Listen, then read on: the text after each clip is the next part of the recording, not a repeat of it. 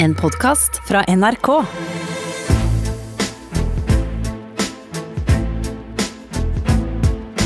Trump mot verden med Gjermund Eriksen og Sean Henrik Matheson.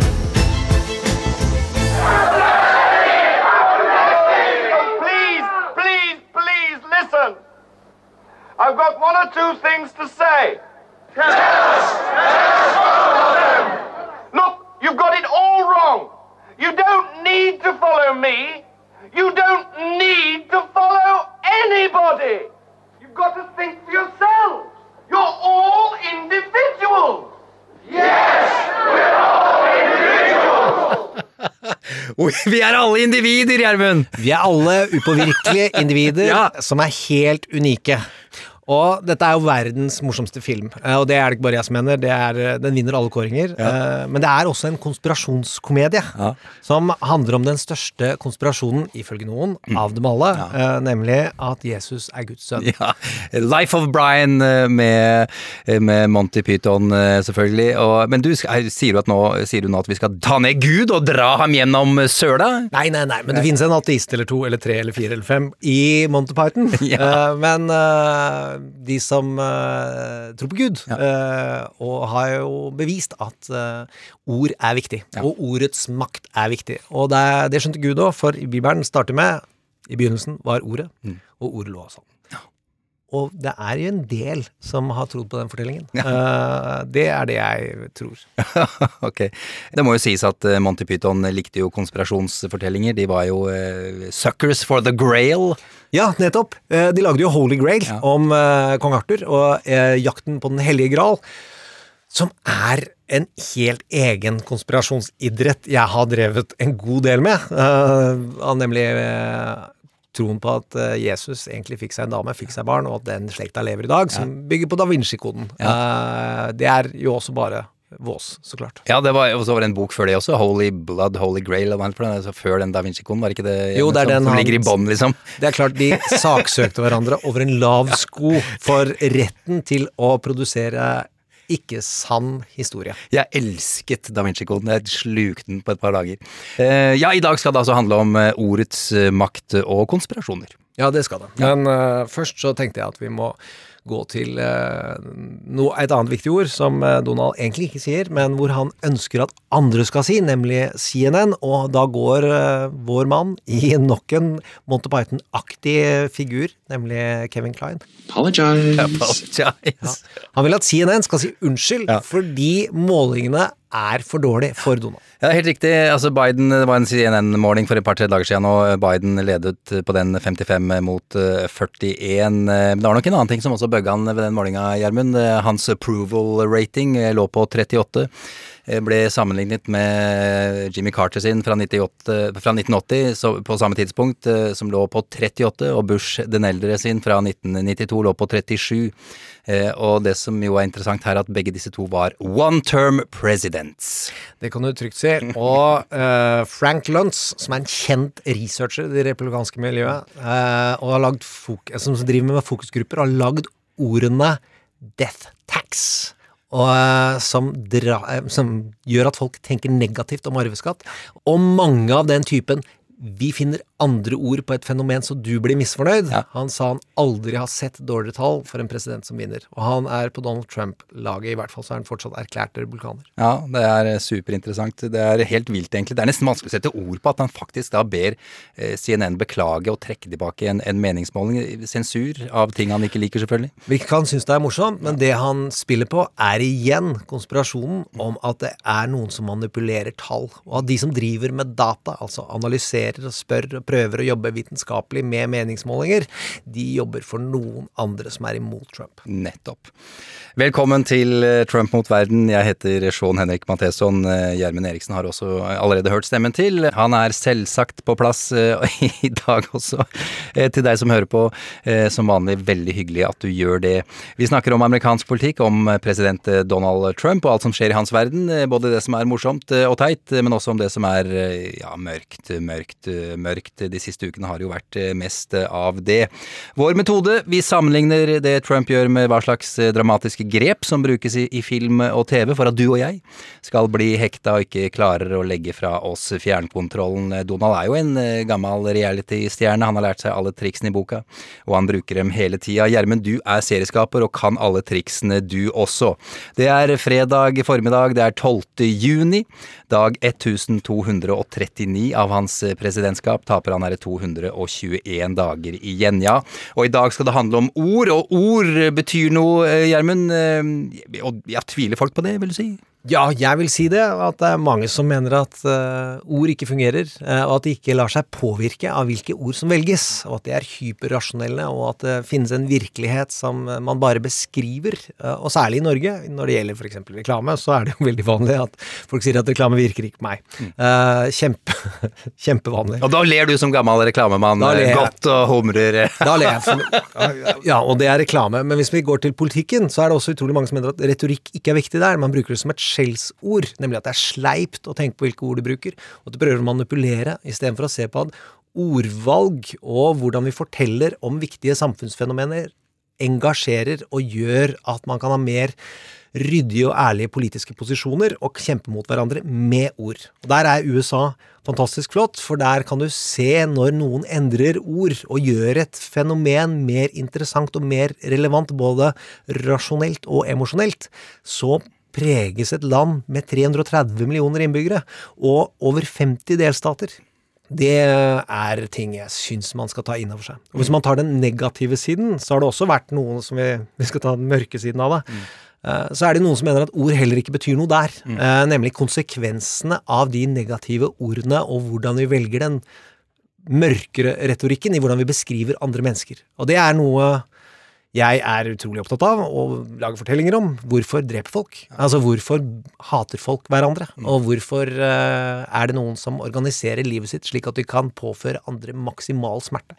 Uh, og den retorikken, den er man også flink til å avvise.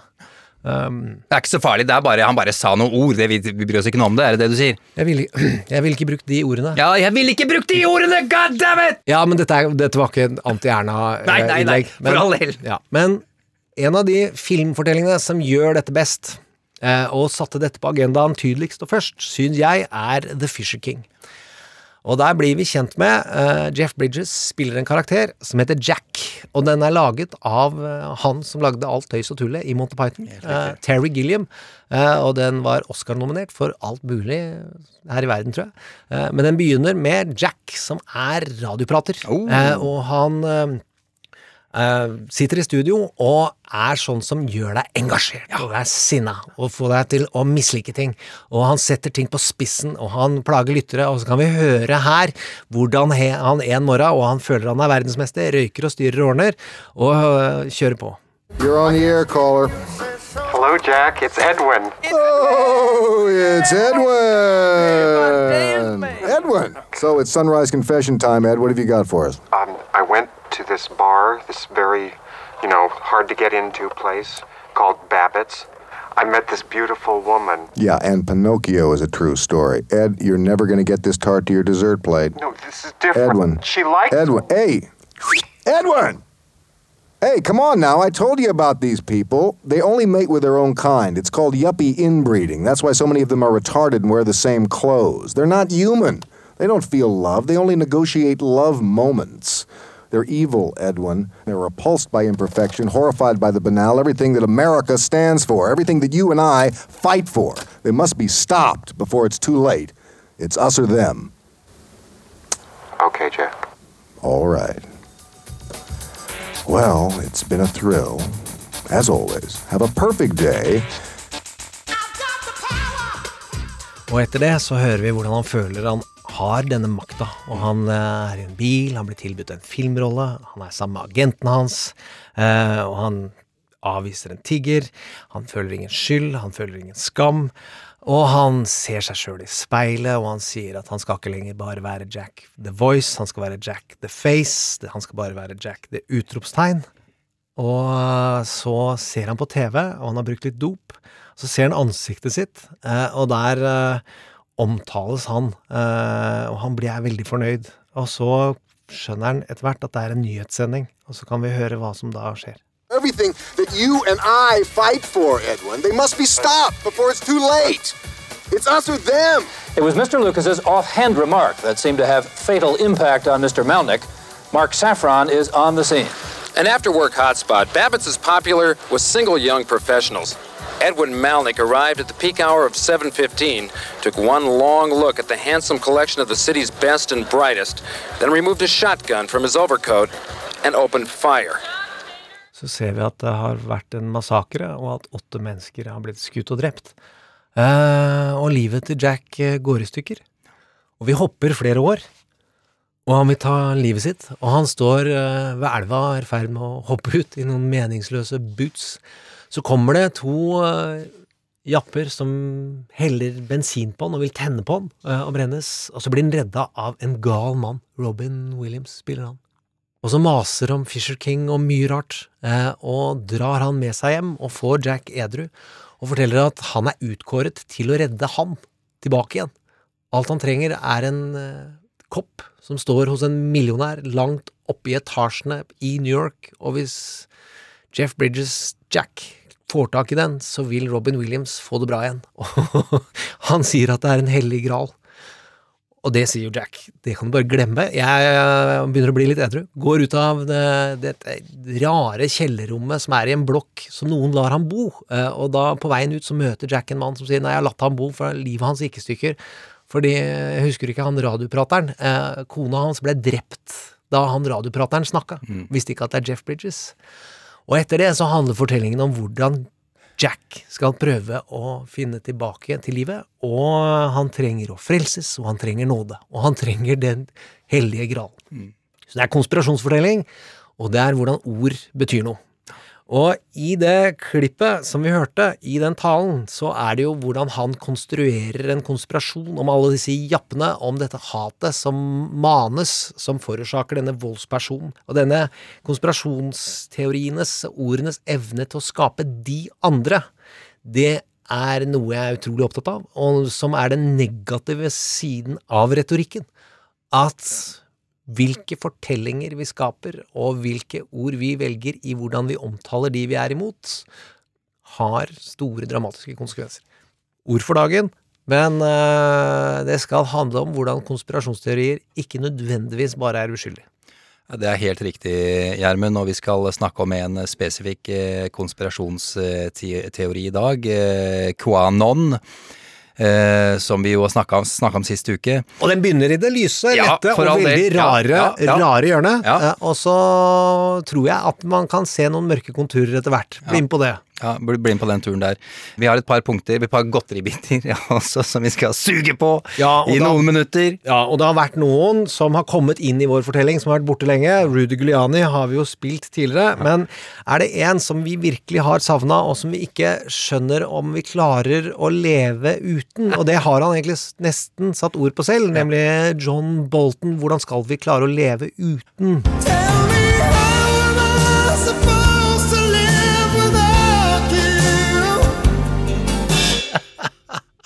Michael Bolton der. Vi snakker om eh, bartemann eh, John Bolton. Ja, gjør litt comeback eh, fra ham, altså. Gamle hauken i amerikansk eh, politikk. eh, Sikkerhetsrådgiver, nasjonal sikkerhetsrådgiver for Trump i et drøyt år. Gikk av i desember, eh, september unnskyld, i i fjor. Eh, Han kunne jo ikke stå inne for det som eh, det Donald hadde gjort i forhold til Ukraina. Den forbanna drug-dealen vil jeg helst ikke være med på, eh, sa han jo. Eh, Vi skal jo, eller han, skal gi ut en bok. Det er jo det det er snakk om nå, Gjermund. Ja, den skulle komme til mars, og det er masse rettslige krangler, og nå sier han at den kommer ut uansett hva de sier. Ja. Og det blir spennende å se. Jeg hadde hatt lave forventninger. Ja, du, ok. Det er 23. juni, lurer på om jeg er Det er bare noen par uker til, i hvert fall. Um, oh, Jared Kushner, han har det vondt eh, for tida, og det minnet oss eh, om en fantastisk morsom film, syns jeg i hvert fall. Um, Meet the Parents, der Robert De Niro spiller svigerfaren til Ben Stiller. Did I not clearly explain the circle of trust to you? Didn't we have a discussion yesterday in the car about this? See, if I can't trust you, Greg, then I have no choice but to put you right back outside the circle. And once you're out, you're out. There's no coming back. Robert De Niro spiller, spiller Trump. Ben Stiller spiller Jared Kushner her. Ja, og det som har skjedd er jo at det har kommet lekkasjer fra Det hvite hus at Donald Trump er lei Ja. og Jared Kushner eh, og har lyst til å gi han skylda. Ja. Uh, eller så kan det være at de bare lekker det for at de trenger en nyheten for å lage et indre drama. Det vet vi ikke, men uh, Jared og svigerpappa Sliter. Vi følger med. Ja, vi følger med. Eh, Å, dette her er litt artig, Gjermund. Dette er en godbit jeg liker veldig godt. Ja, og det skal vi snakke om de som er utrolig opptatt av å være inni hodet til Donald og stjele mye av tida hans ved å være den de tenker på hele tiden. Og da er det viktig å huske på at dette er modne mennesker som ble vurdert som justisminister og høyesterettsdommer, og det er mannen til Trumps nærmeste rådgiver. Bare hør her hvor moden han er. I'm a stable genius. Nobody's been smarter than me. I, I have a big brain. My uncle was a professor at MIT. I know this stuff. Ja. George Conway der. Ja, og dette er en ekte konspirasjon. Ja. Dette er republikanere som møttes og sa nå skal vi plage Donald mest mulig. Eh, og denne uka, hva skjedde da? Sean? Nei, det var mor veldig morsomt. Eh, Da fikk de altså For nå har Donald kjøpt eh, reklame for 400 000 dollar i DC. Der det altså ikke finnes en eneste republikaner. Ja, og det er ikke Donald som har kjøpt reklamen, det er Donalds medarbeidere, for at Donald trenger å se skryt av seg selv på TV-en, fordi det, han koker over, fordi det er for mye Lincoln Project-reklame på TV-en hans. Det er- For han bor i Washington. Ja, 400 000 eh, dollar, det er en god del penger. For et par millioner for å holde gubben glad på skjermen. Nydelig! Ok, da skal vi nedover i, i mørket igjen. Eh, Jeg syns vi skal høre litt fra Morpheus eh, fra The Matrix. You take the red pill, you stay in Wonderland, and I show you how deep the rabbit hole goes. Trump mot verden med Gjermund Eriksen og Sean Henrik Matheson. Quanon, eh, er vi klare, Gjermund? Ja, vi må vel være det. Ja, kom igjen, dette klarer vi. Ok, vi må ta dette fra begynnelsen. Eh, og gjennom de trinnene som vi går gjennom når vi lager historier, eller opplever historier, som er noe riktigere. Fordi vi skal jo forføres. Eh, og da er det jo flere trinn man går igjennom. Man starter med noe som ofte kan oppleves som sant. Altså idet du begynner med en fortelling, så må du tro på den fra starten. Ja, et Eh, fnugg av sannhet der. et fnugg av sannhet. Og så må det være noe som er urettferdig, som er motivert til å ta og bli med på reisen. Det må være spennende. Hovedkarakteren må ha noe som han skal kjempe imot, og det må gjerne vokse, denne trusselen. Eh, og så er det mye som skal stå i veien for denne personen og de han er opptatt av, og du som eh, ser den, er opptatt av, eh, at de skal oppleve lykke. Og de skal overvinnes. De slemme skal i fengsel eller dø, og du skal frelses og ha evig lykke etter det. Du, jeg har lyst på litt Kan vi, få, kan vi ha litt mer musikk her nå, Gjermund, tror du? Bare sånn for moro skyld? Ja, jeg tror vi skal ha det. Og et trinn inni der, i starten, handler jo alltid om at du må velge å tro på det. Eh, og det har vi snakka om før, nemlig denne å velge mellom den røde og den blå pillen fra Matrix. Eh, og der eh, noen virkelig har valgt den røde pillen når det gjelder dette her. Da, for da får du den store oppvåkningen. Da ser du hva som er sant på ekte. Ja. Hvitt blir til svart. Alfa blir til omega. Uh, og du ser verden slik ingen av oss andre gjør det. Og det er det QAnon handler mye om. Ja, visst. Gjermund, hvor er det QAnon begynte? Ja, Det begynte lenge før QAnon begynte. Oh, ja. Så eh, Det begynte med en e-postskandale. ja. Wikileaks. Eh, og en av de viktigste strategene til eh, Hillary Clinton fikk frastjålet alle e-postene sine, Mm. og så ble de dumpa. Så satt jo utrolig mange og skulle lese alle disse e-postene, og det er flere tusen. Ja, det er veldig mange e-poster. Ja. Ja. og dette er sant. Det var, som vi sa nå, tusenvis av e-poster. Ja, ja, ja. Det ja, ja. Og da er det åpen for spekulasjoner, og da plutselig så er det en FBI-fyr, sier noen at han er. Han er en anonym FBI-fyr som sier at her er det en dypere mening. Det er verre ting som foregår i disse e-postene enn det vi egentlig tror. Og det er den sannhetsfølelsen som er Det begynte med disse e-postene, og det er det som vil ødelegge landet, som har disse e-postene. Hillary Clinton er en fiende. Og så sier de at det er en kode der. Og hva er den koden, sånn? Oh, det diskuteres eh, mat. Pizzabestillinger om og om igjen, høyt og lavt. eh, Pizza, dessert, eh, sauser, walnut-saus. Men, men ja, ja. Men det er en kode for Ja, det er en kode, eh, og det er ganske grusomt. Eh, Det er mørkt, eh, og noe av det som opprører mennesker aller mest, eh, dessverre bare nesten, men det er en kode for å bestille sex med barn, altså organisert pedofili. Og det toppa seg i 2017. eh, Etter at Donald Trump har blitt valgt, eh, så er det en fyr som leser om alle disse barnepornofenomenene, og at det faktisk skal være hovedstedet, skal være en pizzarestaurant i Washington, hvor alle møtes, hvor det er kjellere, hvor barn utveksles, og han tar med seg våpen og han reiser dit. Og så blir han heldigvis stoppa idet han hadde tenkt å plaffe ned jækla mange av folka på den restauranten. Eh, og han sleit litt, for han fant ikke den kjellerdøra, antageligvis. Eh, og så tenkte alle at dette er en utrolig klein og klønete konspirasjonsteori. Eh, dette er Pizzagate. Ja, ja, ja. Eh, Men der er vi jo tilbake til The Fisher King, for å si det, med at ord betyr noe. Men det var jo ikke, det var jo ikke slutten, det var jo bare begynnelsen, som du sier, Gjermund. Ja.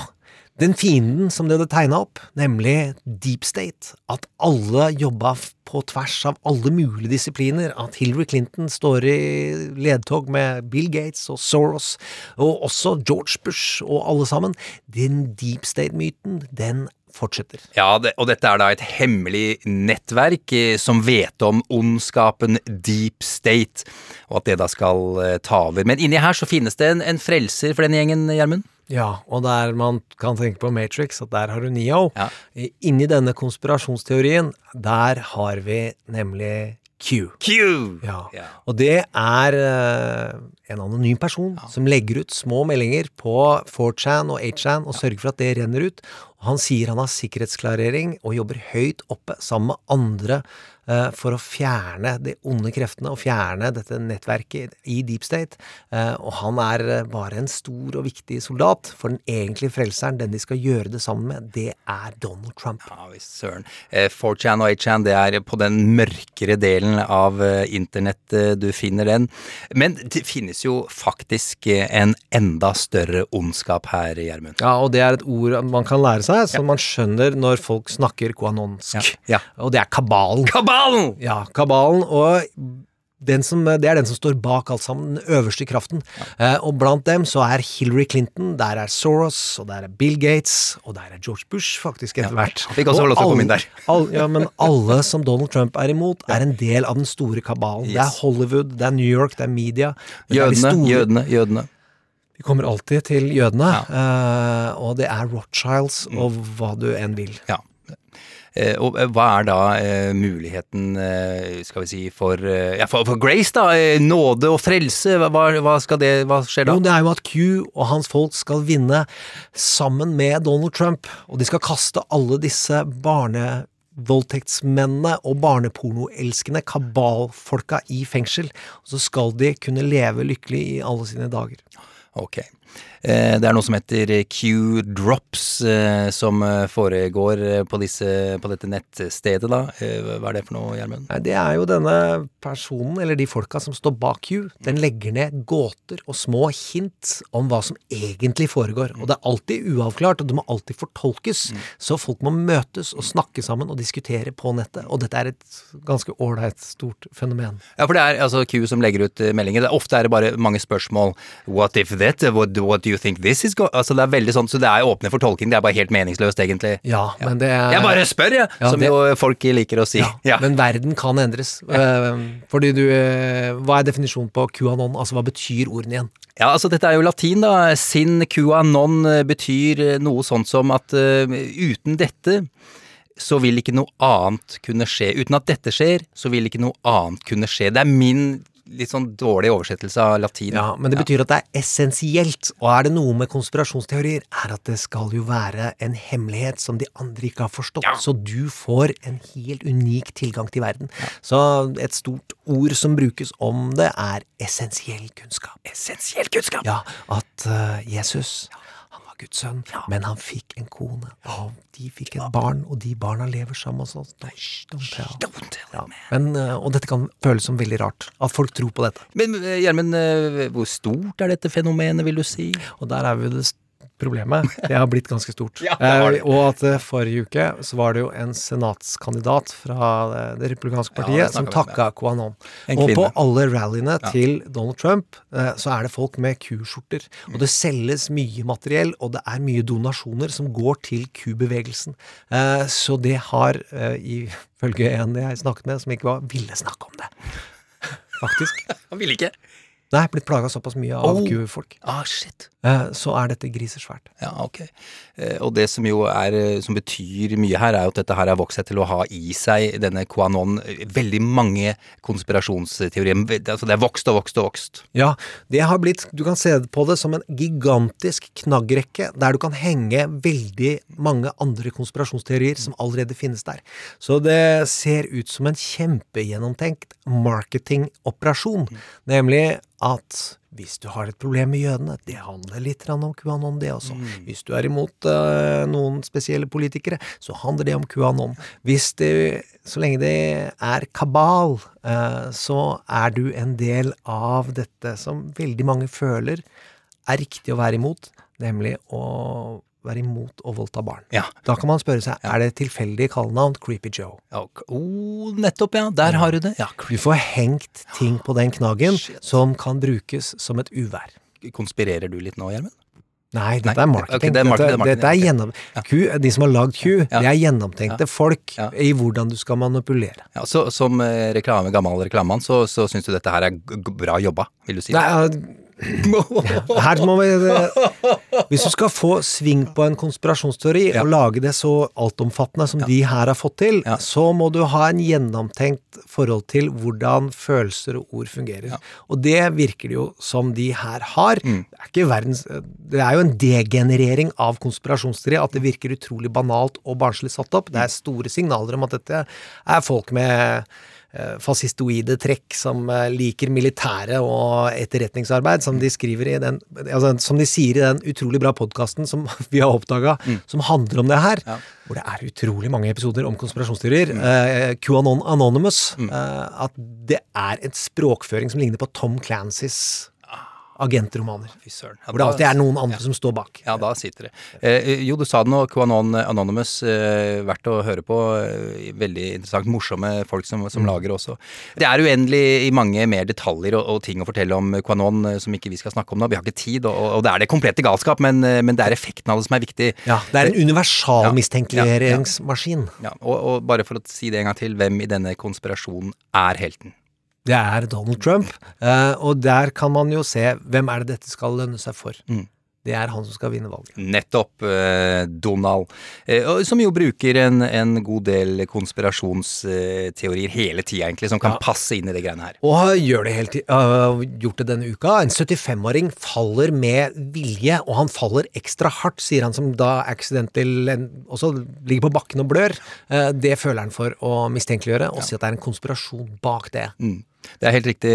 Martin Gugino, jeg vet ikke helt hvordan man sier navnet hans. Han har fått hjerneskade, dessverre. Jeg leste om det i dag. Det er da One American News Network, OANN, som står bak eh, denne nyheten om at eh, det er eh, Antifa eller slike ting som står bak. Det må sies at det er en fyr som heter Christian Raus, som har meldt dette her på One American News Network.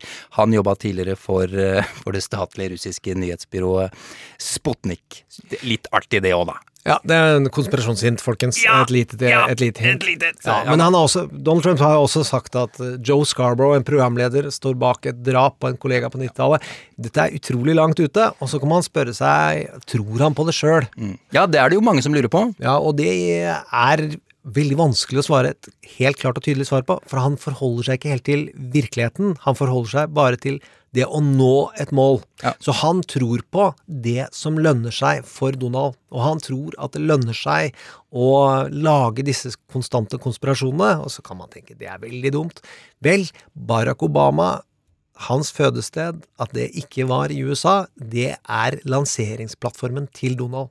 Han lagde en konspirasjon som lanserte hele hans politiske karriere. Eh, og så snakker en fyr som forstår Donald veldig godt, nemlig Rush Limbaugh, som er historiens største aggressive radioprater, som helt sikkert Gilliam studerte når han lagde denne Fisher King. Eh, han forteller om hvorfor man ikke skal le av Donalds bruk av konspirasjonsteorier og helt urimelige løgner. Hør her. when you get to Trump and his conspiracy theories, he does it in a really clever way. And this is where people don't get the subtlety of Trump because they don't think he has the ability to be subtle. Trump never says that he believes these conspiracy theories. And with virtually every conspiracy theory that Trump touts, he doesn't actually tout them himself. He spreads them and he, he, he under the guise people need to know about this. Ja, og der hører vi at Rush er tilhenger av at Donald bruker det, og skryter av at han bruker det subtilt, og forstår egentlig konsekvensen av det, og så kan man diskutere hvor ærlig han er om hva som egentlig er effekten. For hvis vi husker tilbake til Ezra Klein om polarisering, så er konspirasjoner veldig egnet til å splitte folk. Ja. Og med andre ord så lager du eh, sosiale bånd som ikke betyr at lederen din behøver å gjøre noe for deg, for det du holder med han for, den lojaliteten, det ligger i frykten og sinnet mot de andre. Det er en mistenkeliggjøring som man skaper misnøye med, og den misnøyen kan man fjore på til hat, og da klarer man å mobilisere en base uten å gi dem de fordelene man har. Og sånn kan man se på det som en hersketeknikk for eh, en befolkningsgruppe. Eh, og ikke minst, og da kommer vi til det vonde med at ord skaper konsekvenser. Konspirasjonsteorier er en radikaliseringsmaskin. Eh, bare nevne at eh, Ezra Klein eh, er jo mann bak nettstedet Vox, eh, som eh, har spesialisert seg på å forklare vanskelige ting på en, på en enkel eh, måte. Sjekk ut det nettstedet. Ja, og den vanskelige tingen på enkel måte her er jo nettopp å se på Fisher King og se på Pizzagate. At disse teoriene faktisk pusher ut en voldsperson i enden av det. Og at konspirasjonsteorier blir brukt over tid eh, øker volden i et samfunn. Og der har vi jo sett på noen tall eh, og noen fakta eh, om hvordan det har utvikla seg i USA under Donald Trump. Ja, vi har noen tall her fra FBI. De gir ut eh, statistikk over slike ting, eh, og de samler da inn tall fra alle law enforcement agencies eh, i landet, og det er veldig mange. Altså i prinsippet alle politistasjoner og, og lignende som finnes eh, i USA. Tall fra 2018 riktignok, det er ikke noen nyere tall, altså det er de nyeste tallene som er å, få tak i. I 2018 så ble det rapportert i overkant av 7100 tilfeller av hatkriminalitet, altså hate crimes. Det er, må sies, ca. 50 mindre enn i, i 2017. Men så er det sånn at uh, hate crimes kan også foregå mot uh, altså eh, bygninger, biler eh, og, og slike ting, eh, men eh, det har gått ned. Det er vold mot mennesker som har eh, gått opp. Og så må det også sies at denne statistikken får kritikk fordi eh, ikke nok data er samla inn. Eh, 85 byer i USA med mer enn 100 000 innbyggere eh, har, ikke- meldt inn noe hatkriminalitet i det hele tatt, og det er sannsynligvis høye mørketall. Eh, vel, grå vold opp 4% fra året før, 2017 altså. Vold opp 15% trakassering opp eh, 13% 24 mennesker ble drept. Det er det høyeste tallet siden det startet å registrere dette her i 20, nei, unnskyld, 1991. Eh, og vi har jo vært innom hatet mot jøder eh, i dag, så vidt det er. Eh, 57% av all vold som har eh, med religion å gjøre, eh, det var det jøder som måtte tåle. En generell eh, økning av vold mot transseksuelle, og generelt i LHBT-miljøet. Og så er det også greit å minne om at det har blitt mye mer mobbing i skolen i USA også siden Trump tok over. Men hvis vi går forbi statistikken og ser på enkelthendelsene og enkeltvoldsutøverne, så er det jo flere av dem som har eh, skilt seg ut. Du har jo en, eh, et angrep mot eh, en synagoge. Ja, helt riktig, Gjermund. Det var i en synagoge i Pittsburgh i oktober 2018. eh, Da var det elleve mennesker som ble drept. En konservativ fyr som het, som, som het Robert Gregory Bowers, ble radikalisert opp gjennom åra, og 46 eller et eller annet sånt. Og så var det en i El Paso også, i Texas, i 2019. 23 mennesker døde, like mange skadde. Eh, Patrick Crucius het han, 21 år gammel bare, sa under forhør at han eh, gikk for meksikanere. Det var det han skulle eh, drepe. Og så har vi han fra Florida som prøver å sende bomber til absolutt alle Mm. som Donald Trump er imot, med tydelig henvisning til at han er på Trump-laget, eh, og at disse andre er, må tas. Og bussen hans var vel fullt av, av bilder av folk han skulle ta, som jo var motstandere av Trump. da. Ja, han passa virkelig til profilen eh, gal terrorist. Eh, Sånn som man ser på film, med masse bilder, liksom. Helt klart. Ja, ja. Men også radikalisert over tid, eh, og hvor de siste årene med ekstrem aggresjon fra den øverste politiske lederen åpenbart hadde gjort eh, lagd den lista over mennesker han skulle ta. Ja, vi skal snakke litt om, om spredningen nå. Dette her henger jo sammen med, med et ord eh, Donald bruker eh, mer eh, enn de fleste, og egentlig helt feil, Gjermund. Ja, og det er fake news.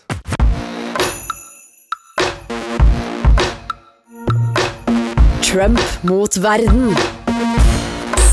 Ja, fake news, eh, falske nyheter. En gang i tida var det et helt eh, stuereint eh, begrep. Det vil si at eh, falske nyheter var falske nyheter. eh, Saker i aviser og på TV. Eh, På nett, eh, alle enkle steder. Man kan eh, publisere ting eh, med falskt innhold, gale eller eh, villedende opplysninger. Gjerne med falske avsendere, selvfølgelig. Ikke noe nytt eh, siden tidenes morgen har eh, personer og organisasjoner spredt falske nyheter. Selvfølgelig eh, for å ødelegge for eh, meningsmotstandere, eller eventuelt fremme seg selv. Det tok helt av da gamle Johannes Gutenberg fant opp eh, boktrykkerkunsten på 1400-tallet, faktisk. I hvert fall her i Europa. Kineserne hadde vel trykt bøker siden 500-tallet. Vi antar at det var en og annen falsk historie der også, men i Europa altså, da boka kom, eh, og det, eh, muligheten til å da spre masse informasjon, eh, ja, så var vi i gang. Ikke så lett med eh, kildekritikk på den eh, tida. Francis Bacon den britiske filosofen eh, beskrev allerede i renessansen, eh, i 1620, hvordan feilinformasjon var et eh, problem. Mennesker tenderer til å ville få bekreftet sine egne meninger og teorier, samme hvor tvilsomme de er. Samtidig vil de stille flere spørsmål ved, eller til og med ignorere fakta som motbeviser det de hevder. Francis Bacon altså i 1620. Dette kjenner vi oss igjen i, gjør vi ikke? Mennesker er seg selv like. Eh, eksemplene gjennom historien er utallige, skal ikke dra eh, så mange av dem egentlig, men nevner nazistene og deres kampanje mot eh, jødene. Hitler og hans eh, propagandamaskin var mestere på falske nyheter og ikke minst konspirasjoner. Etter hvert gravde de fram Sions vises protokoller, en bok som kom ut første gang i 1903. Det skal være kort fortalt møteprotokollene fra den første sionistkongressen på slutten av 1800-tallet, og som beskriver hvordan jødene da gjennom en stor sammensvergelse har tenkt til å ta over hele verden. Bare oppspinn, selvfølgelig. Allerede i 1921 ble boka avslørt som en bløff. Eh, Men kraften denne bløffen fikk var jo helt eh, enorm. For eh, millioner av mennesker så ble det sannheten. Og når alt eh, var over, var mer enn seks millioner jøder eh, drept. Og selv i dag er det folk som viser til denne boka når det er snakk om eh, jøder og hvor forferdelige de er.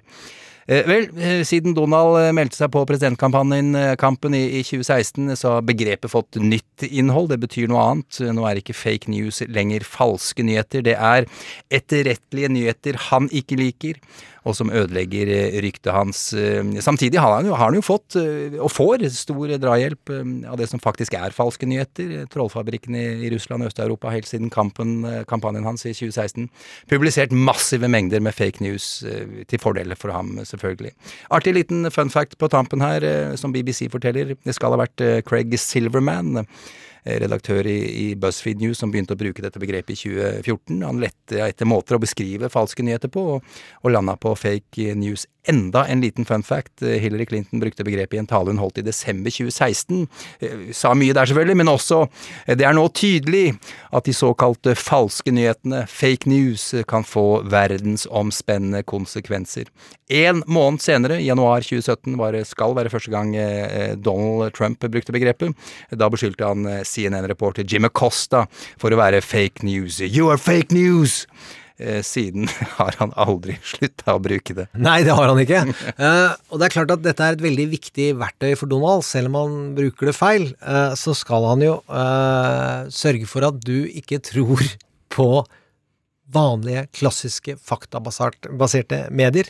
Eh, og folk må hente informasjon der Donald liker det, de mediene som bringer han videre. Ja, og, og som alltid eh, så er det jo penger det handler om. Ja, folk sliter med å forstå økonomien i dette som en markedsplass, uh, og at det ligger et økonomisk insentiv i å si noe annet enn det etablerte, klassiske, faktabaserte medier er. Skal det funke for en YouTuber, eller for noen som channer, eller hva pokker de gjør, så er de nødt til å si noe annet enn det som står i VG, NRK, Aftenposten, TV 2 eller USA, i de klassiske mediene. Du må si 'det er ikke som de sier'. Da får du klikk. Da får du vært der, og så må du rope høyere. Og så jobber det stort sett bare én mann som sier at den har funnet det ut sjæl, da. Eh, og det appellerer til at du må researche dette sjøl. Ja, og, og klikk genererer penger, ikke sant? Ja, og ja. jeg driver ikke med YouTube, er ingen YouTuber, jeg er 47 år. Ja, ja, men det er greit. ja, men det er det ja. disse menneskene gjør, og de får utrolig store følgerskarer, og de hjelper og booster hverandre, og de forteller hverandre øh, at øh, nå nevner jeg denne kanalen og denne kanalen og denne kanalen, og så får du jo da en hel flora og et helt marked bare for å spre ideen om at de vanlige faktabaserte nyhetene ljuger. Eh, Nå har jo eh, Twitter eh, og for så vidt Facebook fått en del pepper i det siste, Gjermund. Ja, men i den store podkasten The Rabbit Hole fra New York Times, som handler om nettopp QAnon, så er det like mye en fortelling om hvordan YouTube forfører deg. Algoritmen til YouTube henter inn folk på måter som er ekstremt forførende, og drar deg da sakte, men sikkert innover i en konspirasjonsteori. De beskriver en kvinne som har mista alt hun eier. Hun er demokrat, øh, og finanskrisen har skjedd, og det skjer en gang til, og hun sitter og ser på Elizabeth Warren-videoer. Hun ser det fire ganger, og så sier YouTube ja, men du er misfornøyd, ja. Hør, hør på dette, og hør på dette, og hør på dette. Og før hun visste ordet av det, så var tre måneder borte fra livet hennes, og hvor hun hadde sittet og diskutert Q-drops, som vi omtalte i stad, og trodd på alt dette kabalmaset om barnemordere og barnevoldtektsmenn. Og det er eh, YouTube som holder deg gående. Det er ord, bilde og følelser. Ja, å, du liker eh, QAnon, ja! Da har vi mer til deg! Ja, Og så, du, og så bare havner du nedi hølet og kommer deg pokker nesten ikke ut igjen. De, de har ikke noe filter. Det er ikke sånn at de sier ja, dette må du være litt forsiktig med. Bare, de bare drar deg lenger og lenger ned. Ja, og de har forstått hvilke videoer som kan dra deg dit. Og jo større et fenomen er, eh, jo mer bruker de denne algoritmen til å hente inn folk fra steder man ikke trodde at man skulle prøve å dra folk til. Eh, Ytre høyre konspirasjonshjørne. Der har de funnet at det er flere veier dit enn det man trodde før. Og så er det det Donald alltid har visst, eh, og som er en type eh, kombinasjon av medieøkonomi og hvordan mennesker fungerer. Eh, og det er et ordtak som er litt stas å lære seg, nemlig at en løgn reiser jorda rundt før sannheten har fått på seg buksene. Skal vi bare se mørkt på dette, Gjermund? Nei, er du gal? Eh, vi må jo se lyst på det også. Vår vei til frelse er jo, tilbake til det, går jo gjennom eh, å slåss mot overtro eh, og tro at det fins fakta, eh, og se på lyset. Og det fortalte jo Monty Python, gjorde ikke det? Jo, det gjorde de. You'll see it's all a show. Keep them laughing as you go. Just remember that the last laugh is on you. And always look on the bright side of life. Trump mot verden. Always look on the right side of life. Før vi går løs på ukas eh, åpningsscene av denne fantastiske serien vår, eh, så eh, har vi lyst til å eh, si til deg som hører på, at du, må anbefale oss til, til venner og, og kjente og folk du ikke kjenner også. Eh, det er viktig, det liker vi. Og så eh, hadde det vært stas med noe annen rating, der man får rating. Jeg bare jeg er så barnslig, jeg syns at det er kult, jeg. Eh, koppene skal vi også få banka ut etter hvert nå, Gjermund. Er ja, back, hva heter det, backlash, backlog, hva nå heter det? Vi har backlog, og det har vært Det har vært hjemmekontor Ja, nå. det har det, ja. Eh, og nå er det pappesker som har kommet. Nå pakkes de. Eh, så eh, send Dersom du har krav på en kopp, send det til trump at nrk.no. Helt riktig. Og henvis til den konkurransen du føler du vant. Ja. Vi har en liste altså, men Ja. tilfelle vi har glemt noe. Det gjør jobben litt lettere for oss også. Herregud, der har vi vært litt dårlige, altså. Facebook-sida var også, Trump mot verden, den var også inne og sjekke ut. Der foregår det masse moro, som vanlig. Ja, ukas eh, karakter. eh, ikke en finte i dag, kanskje, men eh, i stedet for ukas karakter, så er det på en måte integrert i, i, i åpningsscenen vi kommer til, Gjermund. Ja, syns det var naturlig ut fra de siste ukas hendelser, og litt sånn episodens tematikk. Ja. og at vi heller da bare går til konkurransemode. Ja, ok, det kan vi godt gjøre. Vi skal like konkurransen i dag, Gjermund. Veldig, veldig glad for den. En eh, retorikkonkurranse, en slags eh, felles språkrøktingsøkt. Ja, veldig enkelt. Jeg har funnet ut at jeg i 47 år har brukt et, ord, et fast uttrykk eh, veldig feil. Okay. Og har tenkt helt feil om det. Eh, og da tenkte jeg at det skal vi legge ut på Facebook. Og så under der så kan folk rydde opp i en del andre faste uttrykk på engelsk som folk bruker feil. Eller som man selv har misforstått. Ja, det er rom for, rom for innrømmelser og øh, finne sin indre Indre øh, engelsklærer. Eh, og rydde opp litt. Eh, og jeg bomma veldig på uh, høyt henger de, sur er de, eller sour grapes-fenomenet. Høyt henger de sure er de? Det vet ikke om jeg har hørt det engang. Nei, men det blir brukt i veldig mange ting som jeg leser. Og da fikk jeg rydda opp i det. Ok, ja, greit. Men jeg legger ut løsningen Men hva, hva sa og ja, du. Det legger du ut på Facebook, løsningen og alt mulig. Ok. Så, så ting man har sagt feil på engelsk, med andre ord? Ja, men ikke ordfeil. Nei, nei. Uttrykk. Ok, greit.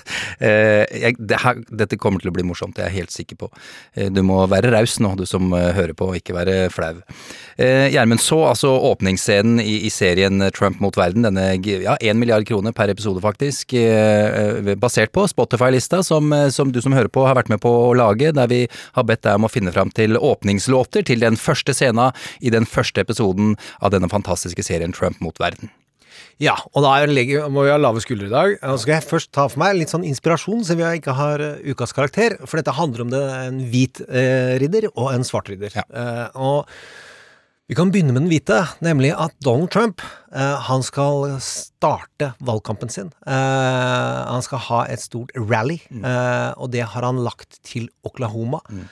Og han har lagt det til 10. juni, som er uh, frigjøringsdagen for slaveriet. Yes! Nydelig. Nydelig. og det kan man tenke er litt eh, mørkt. Ja. Det er ingen poeng at han skal ha et valgkamprally i Oklahoma hvis det handler om å vinne velgere. Han vinner Oklahoma uten å ha vært der. Mm. Eh, Så det kan man jo tro at det handler om å samle inn e-poster og få i gang økonomien, så han kan tigge penger av alle de som har vært der hele veien rundt. Men han skal ha det i Tulsa i tillegg. Mm. Og det er i Watchmen, en TV-serie eh, som handler om uh, hvordan svarte blir undertrykka, Mm. uh, som ligger på HBO. Mm. Den starter med Tulsa og den store Tulsa-massakren. Ja. Svarte bodde i Tulsa på, tidlig på 1900-tallet og hadde begynt å få i gang et velfungerende samfunn. Og de hadde fått det så bra at hovedgata ble kalt Black Wall Street. Mm. Tjente penger og var lykkelig. Og de hvite i byen ble så misunnelige og ble så rasende og hadde da et behov for å ta dem. Ba- Bare for å være helt nøyaktig her, dette er med i TV-serien Watchmen, det har også skjedd på, på ordentlig. Ja. Ja, ja. Eh, og veldig på ordentlig. Eh, og åtte kvartaler blir utrydda. Eh, altså blir rasert, og utrolig mange svarte blir internert, og veldig mange dør. Og så er det strid om tallene, eh, og man leter fortsatt etter massegraver. Men i hvert fall der velger Donald Trump eh, å starte sin valgkamp. Og hvis man eh, tror dette er tilfeldig, så skjønner man ikke hodet til Donald Trump, og man skjønner ikke hans taleskriver. Han som blir kalt Santa Monica Fascist. Steve Miller, ja. Steve Miller. Så til uh, ukas åpningsepisode. eh, og da tar jeg en sånn som jeg pitcher ting, uh, fordi, og da gjør jeg det muntlig. Så okay, da, ja. får la, la meg lete etter ord. Ja, men det er greit. Ok, da skal vi begynne. Og vi leter etter ord. Det må vi tilgi. Ja, det er null stress. Ja. Ok.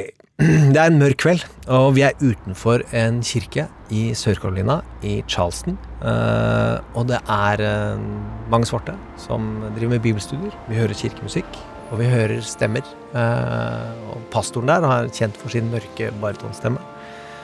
Og inn i bildet så kommer det en hånd som åpner en bag og tar fram våpen. Maskingevær. Og vi ser en ung hvit mann, frelst av den store konspirasjonen om at alle hvite er bedre enn de andre. Eh, han tror på the white supremacy. Og han går inn, og så begynner han å skyte. Han skyter ned ni svarte kvinner og menn, blant annet pastoren med den barytonstemmen. Eh, så klipper vi til Det hvite hus dagen etter, hvor Barack Obama står sammen med taleskriveren sin. Og jeg tror det er den ellevte massakren det året, eh, og dette skjedde i juni. Og de sliter med å finne ut hvordan skal de klare å forsone det her. De er redd for raseopptøyer, de er redd for at raseriet skal koke over, og de har gått tom for ord.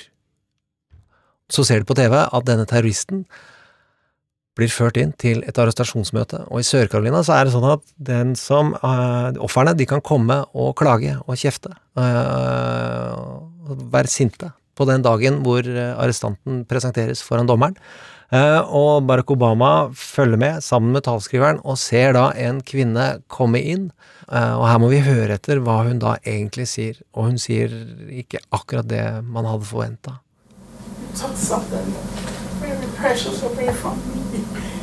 I would never talk to her ever again. I would never be able to hold her again. But I forgive you. You hurt a lot of people.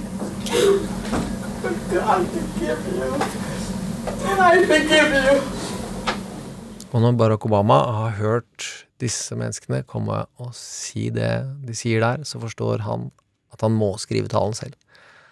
At han må finne de ordene som kan forsone landet med det som har skjedd, og han må forhindre at raseopptøyer skal eh, settes i gang. Eh, og så går vi til en kirke, den, der minnesgudstjenesten skal være, og Barack Obama skal tale. Og da er det viktig å huske på at Barack Obama har blitt kritisert mye fordi han ikke tør å være svart. Fordi at han hele tiden prøver å oppføre seg og være bundet. Han blir kalt professoraktig og kald og kjølig. Eh, fordi man var så redd for at han skulle skremme de hvite fra å stemme på en svart president. Eh, og han begynner ganske rolig. Han begynner ganske kjølig og nedpå, og ganske kontrollert. I cannot claim to have the good fortune to know Reverend Pickney well, but I did have the pleasure of knowing him and meeting him here in South Carolina back when we were both a little bit younger. Back when I didn't have visible gray hair. Friends of his remarked this week that when Clementa Pickney entered a room, it was like the future arrived. Så det er rolig, det er veltalende, det er Barack Obama, så det er bra, men det er veldig sånn som han alltid er. Kontrollert. Litt belærende. Og som folk har sagt, professoraktig. Og mot slutten så blir han noe mer politisk. Han eh, beveger seg inn mot det som er litt mørkt å snakke om, eh, nemlig raserelasjoner, eh, og hvordan dette har hatt seg. Og er fortsatt litt professoraktig i inngangen, men du kan se at følelsene rundt denne situasjonen er i ferd med å piple ut. None of us can or should expect a transformation in race relations overnight. Every time something like this happens, somebody says, we, we have to have a conversation about race. We talk a lot about race. There's no shortcut. We don't need more talk.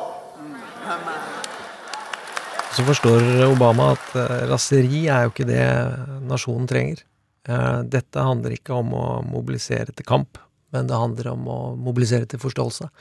Så han går til en av sine favorittforfattere, og som han også kaller en venn, helt sikkert en venn, eh, som snakker om nåde som et reservoar av godhet. Og hør etter de ordene som brukes her, og hvordan de beskriver hva nåde egentlig er. What a friend of mine, the writer Robinson, calls that reservoir of goodness beyond and of another kind. That we are able to do each other in the ordinary cause of things. That reservoir of goodness. If we can find that grace, anything is possible. If we can tap that grace, everything can change. Og i det øyeblikket, når han snakker om dette reservoaret av godhet, så er det som tiden står stille, og han kjenner på alle beskyldningene om å være en hvit mann, om å være professor, og aldri våge å være svart, alltid være kalkulert og bli beskyldt for å være hvit. Eh, Og så er det som tiden står stille, og så begynner han med dette. Amazing grace, how sweet the sound that saved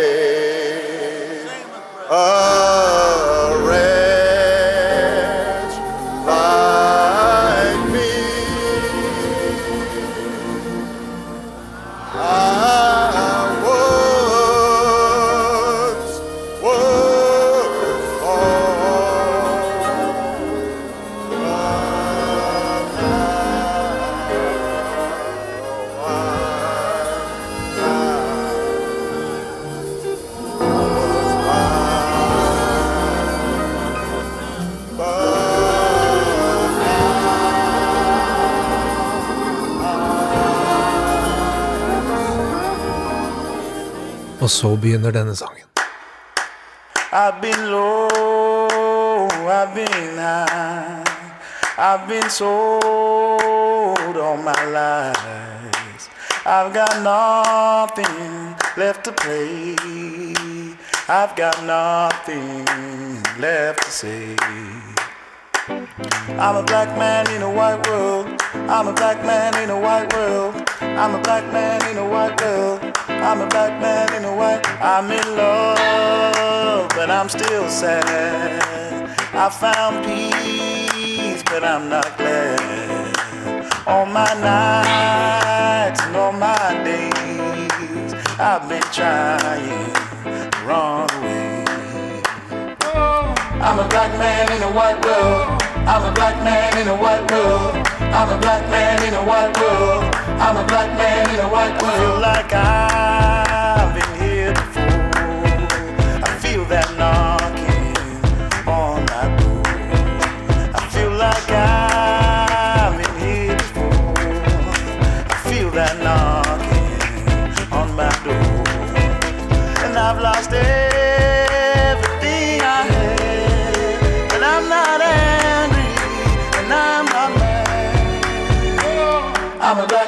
Du har hørt en podkast fra NRK. Hør flere podkaster og din NRK-kanal i appen NRK Radio.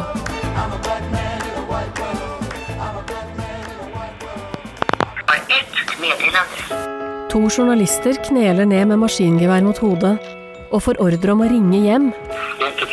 Den ene er skutt, den andre torturert. De skal fortelle at de er kidnappa i Syria og trenger hjelp. I love you, Anna, sier Niklas til kona si. Please help us, sier Magnus. Nyheten slår ned som ei bombe. Alt tyder på at de to er bortført mot sin vilje, men det er uklart hvem som står bak. Erik Aasheim og jeg, Nina Stensrud Martin, blir redde. Magnus og Niklas er våre venner. Nå vil vi finne ut hva som egentlig skjedde. Bli med på ei reise fra Lappland til Beirut. Til smuglerligaer og hemmelige agenter, heltemodige redningsarbeidere og brutale torturister. Dokumentarserien 'Kidnappet' hører du i podkasten Hele historien.